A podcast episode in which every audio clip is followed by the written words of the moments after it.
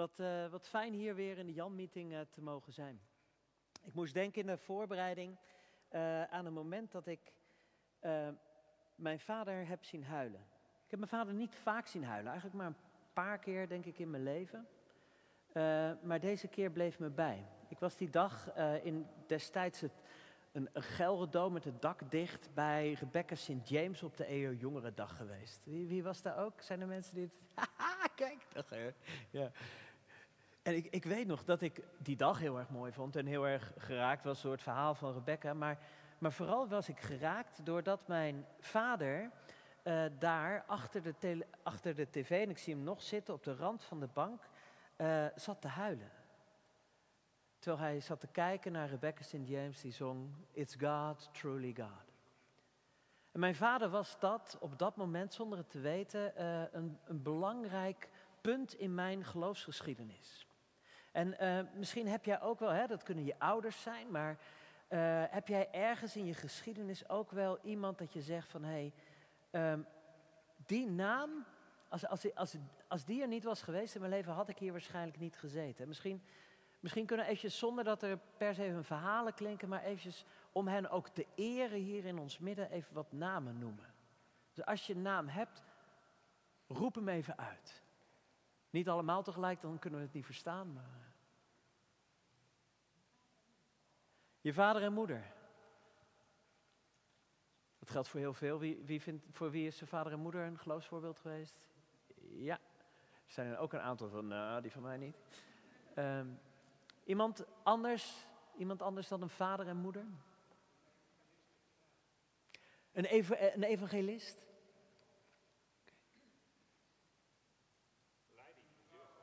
Leiding in het jeugdwerk. Je vrouw? Prachtig. Geloofshelden. Leiders. Um, ik heb vanavond voor jullie een, een preek voorbereid en daarin heb ik het over de zeven eigenschappen van goed leiderschap. Ik dacht dat is een hele originele titel. Blijkt ene Stephen Covey ook al zoiets bedacht te hebben. Nou ja, bijna, maar die heeft het over e-, effectief leiderschap. Hè, dus dat is totaal iets anders.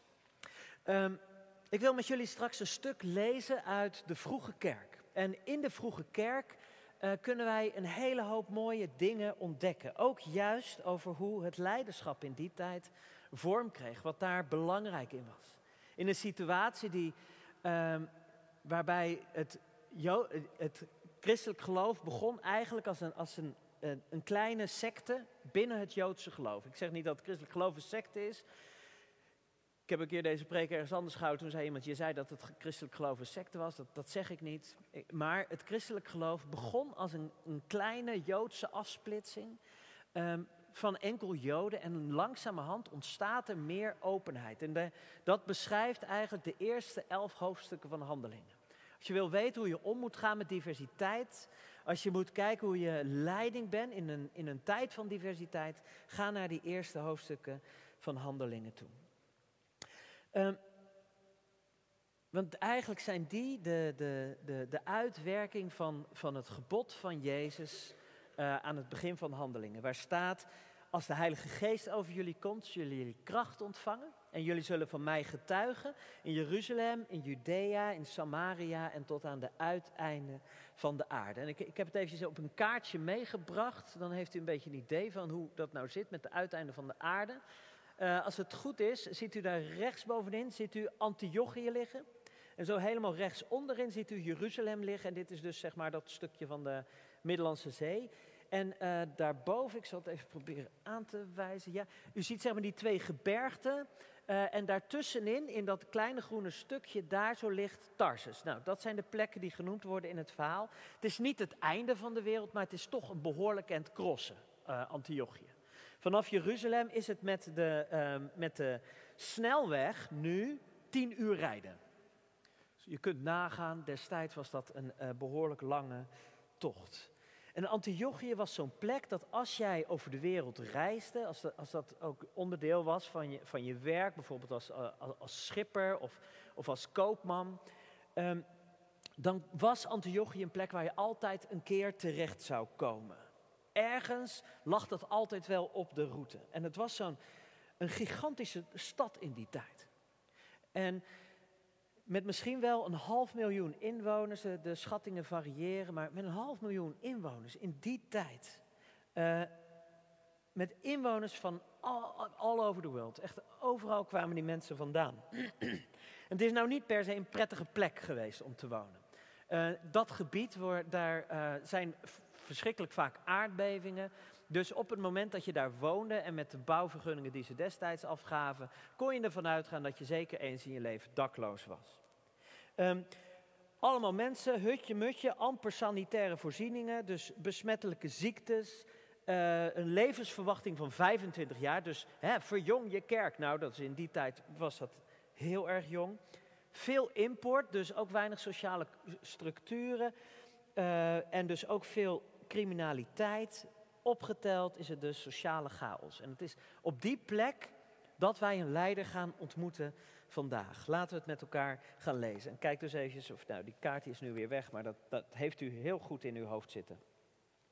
We lezen met elkaar uit Handelingen 11, vanaf vers 19 tot en met 26. De leerlingen die verdreven waren als gevolg van de onderdrukking die na de dood van Stefanus begonnen was, trokken naar Fenicië, Cyprus en Antiochië, maar verkondigden Gods boodschap uitsluitend aan de Joden. Enkele Cyprioten en Sireniërs onder hen, die naar Antiochië waren gereisd, maakten daar ook de Griekse bevolking bekend met het evangelie van de Heer Jezus. En de hand van de Heer steunde hen, zodat veel mensen tot geloof kwamen en zich bekeerden tot de Heer. Het nieuws over hun optreden bereikte de gemeente in Jeruzalem, waar men besloot Barnabas naar Antiochië te zenden. En toen hij daar was aangekomen en zag wat God in zijn goedgunstigheid had bewerkt, verheugde hij zich en spoorde hij iedereen aan om standvastig te zijn en trouw te blijven aan de Heer. Hij was een voortreffelijk, dat is goed en diepgelovig man, die vervuld was van de Heilige Geest en een groot aantal mensen werd voor de Heer gewonnen. Hierna vertrok Barnabas naar Tarsus om Saulus te zoeken. En toen hij hem gevonden had, nam hij hem mee naar Antiochië. Een heel jaar lang kwamen ze met de gemeente daar bijeen en gaven ze onderricht aan tal van mensen. En het was in Antiochië dat de leerlingen voor het eerst christenen werden genoemd. Woord van God. Misschien, Koosje, zou jij een glaasje water voor mij kunnen regelen? Ik ben, dat, ik ben vergeten een dopper mee te nemen. Dus heel niet duurzaam en zo van mij, maar misschien dat het lukt. Ik ben de enige van wie ik de naam nog goed ken, dus... Uh, Oh, kijk, er loopt door iemand anders. Nou, super, dankjewel. Een heel klein bijzinnetje, helemaal aan het einde. Het is op dat moment dat de christenen voor het eerst christenen genoemd werden. Dus de mensen van de weg werden ze vaak genoemd, of de, de mensen die de Nazareër volgden, of verschillende namen deden de omloop. Maar op dit moment worden zij voor het eerst christenen genoemd. En dat is niet zomaar. Er zit namelijk onwijs veel spanning op dat kleine bijzinnetje. Want je moet weten, in die tijd in Antiochië, ja, het is ook een beetje een geschiedenisles, dat, ik hoop dat u dat goed vindt uh, vanavond. Um, maar in Antiochië uh, was al van oudsher een Joodse gemeenschap aanwezig. En die Joodse gemeenschap die had ook daardoor bepaalde privileges. Die mochten deelnemen aan de polis, dus het politieke bestuur van de stad. Ze waren, en zo heette dat dan, een collegium. En um, ze mochten daardoor, uh, hadden ze bepaalde voorrechten ten opzichte van andere mensen die daar zomaar kwamen. Uh, zo mochten ze hun eigen Joodse gebruiken houden. Uh, ze hoefden niet deel te nemen aan de keizercultus, hè, dus de afgodendienst. Even een applaus voor deze man, dankjewel, dankjewel. Ja, ja, heel goed. Hij heet Jan, geloof ik, zie ik aan zijn bordje. Uh, Zo'n collegium waar, waar de Joden toe behoorden, dat, dat gaf bestaanszekerheid. Als je daar onderdeel van was, dan wist je van hé, hey, er zijn mensen die voor me klaar stonden, staan. Dat is een beetje de, de sociale voorzieningen werden langs die lijnen van de collegia uh, um, gemaakt. Het gaf sociale zekerheid, het gaf bescherming. En het was ontzettend belangrijk dat daar intern ook rust was. Dat je van elkaar op aankon, dat je geen gekke dingen ging lopen doen. En wat gebeurt er? Grote groepen bekeerlingen uit andere volken, namelijk Cyprioten en Sireniërs, die brengen mensen tot geloof in, uh, in de naam van Jezus Christus. Het evangelie van de Heer Jezus Christus. Het is een explosieve situatie, want zij verkondigen dus eigenlijk dat er iemand anders is die de naam Curios mag dragen. En dat was een naam die enkel de Romeinse keizer toekwam. Levensgevaarlijk, want dat collegium, daar, moest een beetje de rust bewaard worden. En dat gebeurde nu niet. Want uh, ineens was er een groep mensen die, die bepaalde Joodse gebruiken wilden houden. Uh, die, die ook zich verbonden voelden aan het Joodse geloof, maar die heel andere dingen geloofden en ook bepaalde dingen heel anders deden. Het gaf ontzettende onrust. De naam Jezus werd in deze stad vol nieuwkomers een baken van hoop, maar hij zorgde ook voor veel onrust. Er was een nieuwe gemeenschap ontstaan. Mensen die die hun Joodse collegium een stukje opgaven om daar onderdeel van te zijn. Maar ook mensen die ineens onderdeel werden van een nieuwe entiteit daar in die stad. Een nieuwe groep mensen daar in die stad. Uh, en die voor elkaar gingen zorgen, die elkaar sociale zekerheid gingen bieden. En zo'n veranderende situatie, want dat is het, dit is veranderingsmanagement wat je nu nodig hebt, uh, vraagt om goed leiderschap. En Jeruzalem stuurt hun beste man. Ze sturen Barnabas. Het is goed om even te kijken naar deze leider, want als we kijken naar de Bijbel, dan is dat ook wat we daar mogen vinden, geloofshelden. En Barnabas is er zo een, die oorspronkelijk geboren was op Cyprus. Dat kun je in een ander hoofdstuk van Handelingen kun je dat lezen. En Barnabas betekent zoveel als zoon van de vertroosting. Oftewel iemand die mensen aanspoort, die mensen een hart onder de riem steekt, die, die wanneer, je, wanneer je die persoon gesproken hebt, dat je naar buiten loopt en denkt, ik, ik voel me lichter. Ik, ik, er is iets veranderd in mij, gewoon simpelweg omdat ik even mijn hart heb kunnen luchten bij deze persoon die mij bemoedigd heeft. Zo iemand die, die de focus heeft niet op wat verkeerd gaat, maar wat op goed gaat. Hoe mooi is het als dat je bijnaam is? Dat is één. Een goede leider is iemand die bemoedigt. Een goede leider is ook toegewijd. In Handelingen 4, waar we kennis maken met Barnabas, lezen wij hoe hij zijn akker verkoopt en de hele opbrengst aan de kerk geeft. Dat gaat ook in datzelfde hoofdstuk grondig mis met een Ananias en Safira. Dat verhaal kun je ook opzoeken. Maar van hem lezen wij dat hij zijn akker verkoopt, oftewel zijn zekerheid. Uh, het plekje van Israël wat hem toebehoorde, hij verkoopt dat. Hij kiest voor de onzekerheid en hij gaat eigenlijk all in daar. Hij heeft geen reserves meer, geen backup plan, want alles wat hij heeft, geeft hij aan de kerk. Een vergaand besluit om zijn leven in dienst te stellen van God en zijn gemeente. Een goede leider gaat all in, is toegewijd. Als jij kijkt naar de plekken waar je leiderschap geeft, waarbij je leider bent, ga je al in? Ga je er vol voor? Of bouw jij reserves in? Een goede leider is toegewijd. Een goede leider deelt ook, eigenschap 3, verantwoordelijkheid. We lezen in dit stukje dat Barnabas een succesnummer is daar in Antiochië. Grote groepen mensen komen daar tot geloof.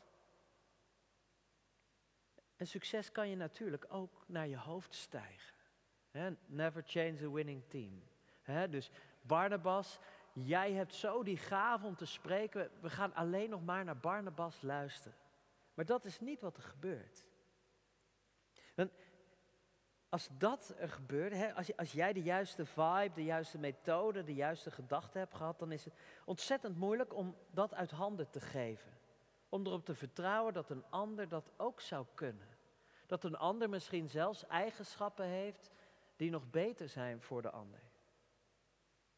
Maar dan gebeurt er een prachtig wonder. Barnabas, nadat hij, niet nadat er een crisis ontstaat omdat hij zijn werk niet goed kan doen, maar nadat hij succesvol is, kiest hij ervoor om Saulus te halen uit Antiochië om de gemeenschap te dienen. En we krijgen niet te horen waarom hij dat doet, maar ik denk dat er twee dingen voor nodig zijn. Eén is het zien van kwaliteit in een ander. En Twee, het erkennen van je eigen tekortkoming. We hebben het hier niet over een kleine gemeenschap. Er woonden in die tijd zo'n 25.000 tot 60.000 Joden in Antiochië. En Barnabas die ziet, ik kan dit niet alleen. Hij ziet wat er nodig is voor de gemeente en is bereid om de macht te delen met iemand anders. En Paulus, het was geen gemakkelijke kerel. Met een ontzettend sterke persoonlijkheid. En hij haalt hem naar Antiochië toe en zet hem naast hem. Maakt hem medeleider van die kerk. Indrukwekkend. Dat is een wonder. Dat je dat kunt. Lukt het jou om je verantwoordelijkheden te delen? Om niet bezig te zijn met, met je eigen status binnen de groep die je leidt. Maar te zeggen van ja, maar hier staat iemand die kan dit beter dan ik. Hier staat iemand die ik nodig heb om de missie van God te voltooien. Lukt het jou om iemand anders in de lead te zetten? Dat is eigenschap drie. Een goede leider deelt verantwoordelijkheid. Een goede leider wordt ook blij van Gods werk. Barnabas die wordt op weg gestuurd vanuit de onrust die de berichten brachten in Jeruzalem. Namelijk, hey, er is daar iets aan de hand in Antiochië. Er worden daar grote groepen bekeerd, dat zorgt voor onrust. Barnabas gaat erheen, stel orde op zaken. En hij komt en dan staat hij, werd vervuld van vreugde. Door wat hij ziet, wat daar gebeurt. Omdat hij ziet hoe God in de chaos, die er ongetwijfeld was, toch vreugde bracht. Liefde, nieuwe gemeenschap. Ook dit vind ik zo knap aan Barnabas. Dat hij ergens heen gaat waar de dingen anders lopen dan bij hem thuis. En dat hij toch in staat is om de blijdschap te voelen die die nieuwe gemeente met zich meebracht. Ik denk dat daar de Heilige Geest ook echt voor nodig is. En het is een kunst om om als leider van veranderende situaties de, de knipoogjes van God te blijven zien. Om je, je ogen gericht te houden op wat goed is. Niet op wat fout dreigt te gaan. En Barnabas leert ons zo hoop en leert ons om open ogen te hebben voor Gods goedheid. Een goede leider ziet niet al die beren op de weg, maar die wordt blij van het goede wat hij ziet gebeuren. Een goede leider, eigenschap 5, is dienend zichtbaar. Barnabas, moet u weten, is geen kleine jongen. Barnabas is een van de vroegste leiders in de wereldwijde beweging waar wij hier in de Sint-Jan in Gouda nog steeds onderdeel van zijn. Hij is een van de vroegste leiders van de meest, uh, uh, meest goede start-up die deze wereld ooit gekend heeft. Um, en tegelijkertijd leren de meesten van ons waarschijnlijk die naam nu pas een beetje kennen. Paulus kennen we, hè? Die, die laat wel van zich horen. Maar het is Barnabas uiteindelijk die hem introduceert. Na het hele, anti, na het hele Damascus-verhaal van Paulus is het Barnabas die Paulus introduceert bij de andere leraren en de brug slaat. En, hem, en de andere discipelen ervan overtuigt dat het werk dat Paulus doet van betekenis is. Barnabas is een begaafd spreker een goede denker. Hij is tevens de neef van Marcus, die we dan weer kennen van het evangelie. Dus hij bevindt zich echt zo dicht bij het vuur. En Tertullianus, een van de kerkvaders, gaat er zelfs vanuit dat hij de brief aan Hebreeën geschreven heeft. Dus waarschijnlijk hebben we ook nog geschreven woord van Barnabas in de Bijbel. En toch hebben we weinig van hem gehoord. Kortom, Barnabas heeft ruim voldoende om hoog over zichzelf op te geven. Hij heeft de juiste papieren, de juiste connecties, de juiste eigenschappen om een goede leider te zijn. En toch zien wij hem niet. Waarom? Helemaal weten kunnen we dat niet, maar ik denk dit. Hij wil die andere leider, de leider die hij volgt, zijn herder, die wil hij de eerste plaats geven. Het gaat blijkbaar nooit over Barnabas, maar steeds over degene die hij dient. Resume. Je moet bemoedigend zijn. Je moet volledig toegewijd zijn. Je moet je verantwoordelijkheid delen. Uh, je moet blij worden van al het werk wat je ziet. En je moet ook nog eens zelf totaal geen eer naar je toe laten komen en voortdurend God de eer geven. lat een beetje hoog genoeg? Ja? Ja? Of denkt u dat u dit wel aan kunt? Waar schiet jij tekort? Ben jij in plaats van bemoedigend eigenlijk te hard? Bouw je altijd veiligheid in voor jezelf? Ga je nooit al in? Vind jij het, terwijl je toch een goede leider bent, ontzettend lastig om verantwoordelijkheid te delen? Ben je pessimistisch en lukt het je niet om de vreugde te zien van waar God al bezig is? Ben je te vaak bezig met eigen eer en zelfverheerlijking? We schieten allemaal tekort. Wij zijn namelijk mensen. Het zijn vijf eigenschappen. Het getal vijf staat voor de mens. En daarom ook eigenschap zes. Hoe mooi is het dat, dat vind ik een van de, de, de prachtigste dingen en ook een van de, de, de, uh, de grootste redenen om aan te nemen dat de Bijbel waarheid is. Dat is dat ze, de Bijbel zo eerlijk is over het falen en over de kwetsbaarheid van de mensen. Herinner je dat ik zo net zei, Barnabas werd goed genoemd. Agathos. Hij werd goed genoemd. En uh, dit, er is een, eh, een, moment dat, Jezus, dat er aan Jezus gezegd wordt van, uh, goede meester, uh, hoe kan ik het koninkrijk beërven? En dat Jezus zegt, wie noem je goed? Er is er maar één goed en dat is God. Dus het woordje goed is van een enorm hoge notering. Dat hij goed genoemd wordt is fantastisch. En tegelijkertijd hebben we een ander verhaal, namelijk in Gelaten 2 bezwijkt Barnabas gigantisch onder groepsdruk. Er komt hoog bezoek in Antiochië, namelijk Jacobus komt op bezoek. En ineens eten hij en Petrus niet meer mee met de niet-Joodse gelovigen, omdat ze bang zijn dat Jacobus er misschien wel iets van zal vinden. En Paulus die trekt van leer in die hoofdstukken in uh, Galaten te tegen Barnabas. En hij zegt, ik ben woest op je vanwege de hypocrisie van je handelen. Oftewel, die, die grote, goede leider, die goed genoemd wordt, faalt ook. Hij maakt fouten. En het is opgetekend. Hoeveel leiderschap gaat niet ten onder, goed leiderschap, omdat we te trots zijn onze fouten toe te geven? Hoe vaak gaat het daar wel niet mis? Mannen, zeg ik erbij.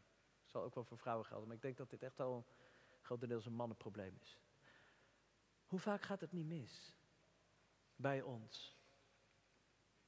Omdat we te trots zijn onze fouten toe te geven. Hoeveel relaties laten we niet op de klippen lopen, omdat we denken dat, dat het toegeven van onze fouten erger is dan, uh, dan, dan dat, dat die relatie dat blijkbaar waard is om kapot te gaan omdat je je fouten niet kunt toegeven. Kwetsbaarheid, fouten durven maken, dat hoort bij goed leiderschap. Dat is niet iets wat je weg moet duwen, maar daar moet je van leren. Daar, daar moet je een beter mens van worden. Barnabas maakt fouten. En waarom vinden we dat zo lastig? Ik denk dat het ook is dat we het beeld wat we van onszelf hebben willen beschermen. We zijn bang dat als wij onze fouten gaan toegeven, dat dat leven wat we hebben opgebouwd, dat de zorgvuldig gepolijste image die we hebben opgebouwd, uiteenvalt. Dat mensen anders over ons gaan denken. Maar dit is de kerk, lieve mensen. Hier moeten we het blijven hebben. En dat moet altijd de kern zijn, ook hier in de Sint-Jan in Gouda. Dat we het blijven hebben over onze zonde en ook over vergeving. Dit is de plek waarop we kwetsbaar durven zijn. Dus een keer, ik ben, vergeten, volgens mij was het na een, preek van de leken ergens in Amsterdam, dat iemand zei van waarom moeten jullie toch in de kerk altijd nog over zonde hebben? En degene die, die daar sprak, die zei van, Goddank, Goddank zijn er nog plekken op deze aarde waar je niet perfect hoeft te zijn. Waar je leven niet Instagrammable hoeft te zijn. Dit is de kerk, dit is de plek waar mensen fouten durven toe te geven. Dat is, een goede leider maakt fouten. Het is een plek en, en dat fouten maken, dat heeft ook alles te maken met de grote leider. Namelijk die leider die erachter gekomen is dat hij niet toegewijd is, dat hij te hard is, dat hij, dat hij onvoldoende zicht heeft op de goedheid van God. Al die dingen. Als je gaat zien dat je fouten maakt, dan word je klaargemaakt, klaargestoomd voor die laatste eigenschap. Een goede leider kijkt naar Jezus. Weet je wat Barnabas goed maakt? Dat dat hij naar Jezus kijkt. Er is maar één goed en dat is God. Gods is volledig aanwezig in Jezus bij de doop. Wanneer God zegt, dit is mijn geliefde zoon. In hem vind ik vreugde. Jezus is de bemoediging. De eigenschap 1. Jezus is bemoediging als hij van water wijn maakt en mensen geneest. Jezus, eigenschap 2, is toewijding. Hij geeft zijn leven voor zijn vrienden. En hij is eigenschap 3. Over Jezus lezen we dat Jezus nooit iemand gedoopt heeft, maar dat dat altijd zijn leerlingen waren die dat deden. Die erop uitgestuurd werden om het werk te doen. Jezus deelt verantwoordelijkheid. En Jezus is vol vreugde. Wanneer de leerlingen terugkomen van, van, die, van die missietocht en hij hoort wat, wat er gebeurd is en hoe God aan het werk geweest is door hen. Jezus ziet de vreugde, maar hij is ook dienstbaar. Hij was de voeten van zijn leerlingen. En last but not least, Jezus maakt fouten. En u denkt dat ik nu de grootste ketterij die in lange tijd hier in de kerk geklonken heeft gezegd. Maar ik bedoel, Jezus herstelt fouten. Het zijn niet zijn fouten. Maar Jezus maakt ons. Hij herstelt ons. Wanneer wij ons leven bij Hem neergooien en zeggen, wij kunnen het niet, Heer. Wij maken fouten, wij schieten tekort. Dat U door ons leven. Jezus zegt aan het kruis, Vader vergeef het hen, want ze weten niet wat ze doen. Over Barnabas lezen we dat hij vol geloof was en vol van de Heilige Geest. Dat zijn de eigenschappen waar deze, waar deze kerk, waar de wereld, waar jouw gezin, waar jouw bedrijf naar op zoek is. Mensen die zo toegewijd zijn aan God, aan Zijn liefde, aan Zijn hart, dat ze bereid zijn fouten te maken, maar dat ze tegelijkertijd in zichzelf die eigenschappen gaan ontdekken. Van het bemoedigen, van het delen van de verantwoordelijkheid en noem ze maar op. Echte, waardige, goede leiders doen het niet zelf, het gaat om waar hun blik op gericht is. En ik hoop dan ook dat wij meer en meer mogen gaan lijken, niet alleen op Barnabas, maar vooral op Jezus. En dat wij als gemeenschap misschien ook wel wat meer op dat Antiochië mogen lijken. Wat het er hier toe doet, wat er hier gebeurt. Dat dingen op spanning staan door in deze wereld, door wat wij hier doen. En dat wij goede leiders zijn en goede rentmeesters van hetgeen dat ons door God is toevertrouwd. En dat wij steeds weer bereid zijn om onze kernwaarden relevant te maken voor de cultuur om ons heen. Dat er over ons gesproken wordt en dat in onze omgeving mensen gaan zeggen, wat zijn dat voor mensen? En dat we misschien wel voor het eerst mogen vertellen over de naam die we dragen, dat wij christenen genoemd worden, van Jezus Christus zelf zijn. Laten we met elkaar bidden.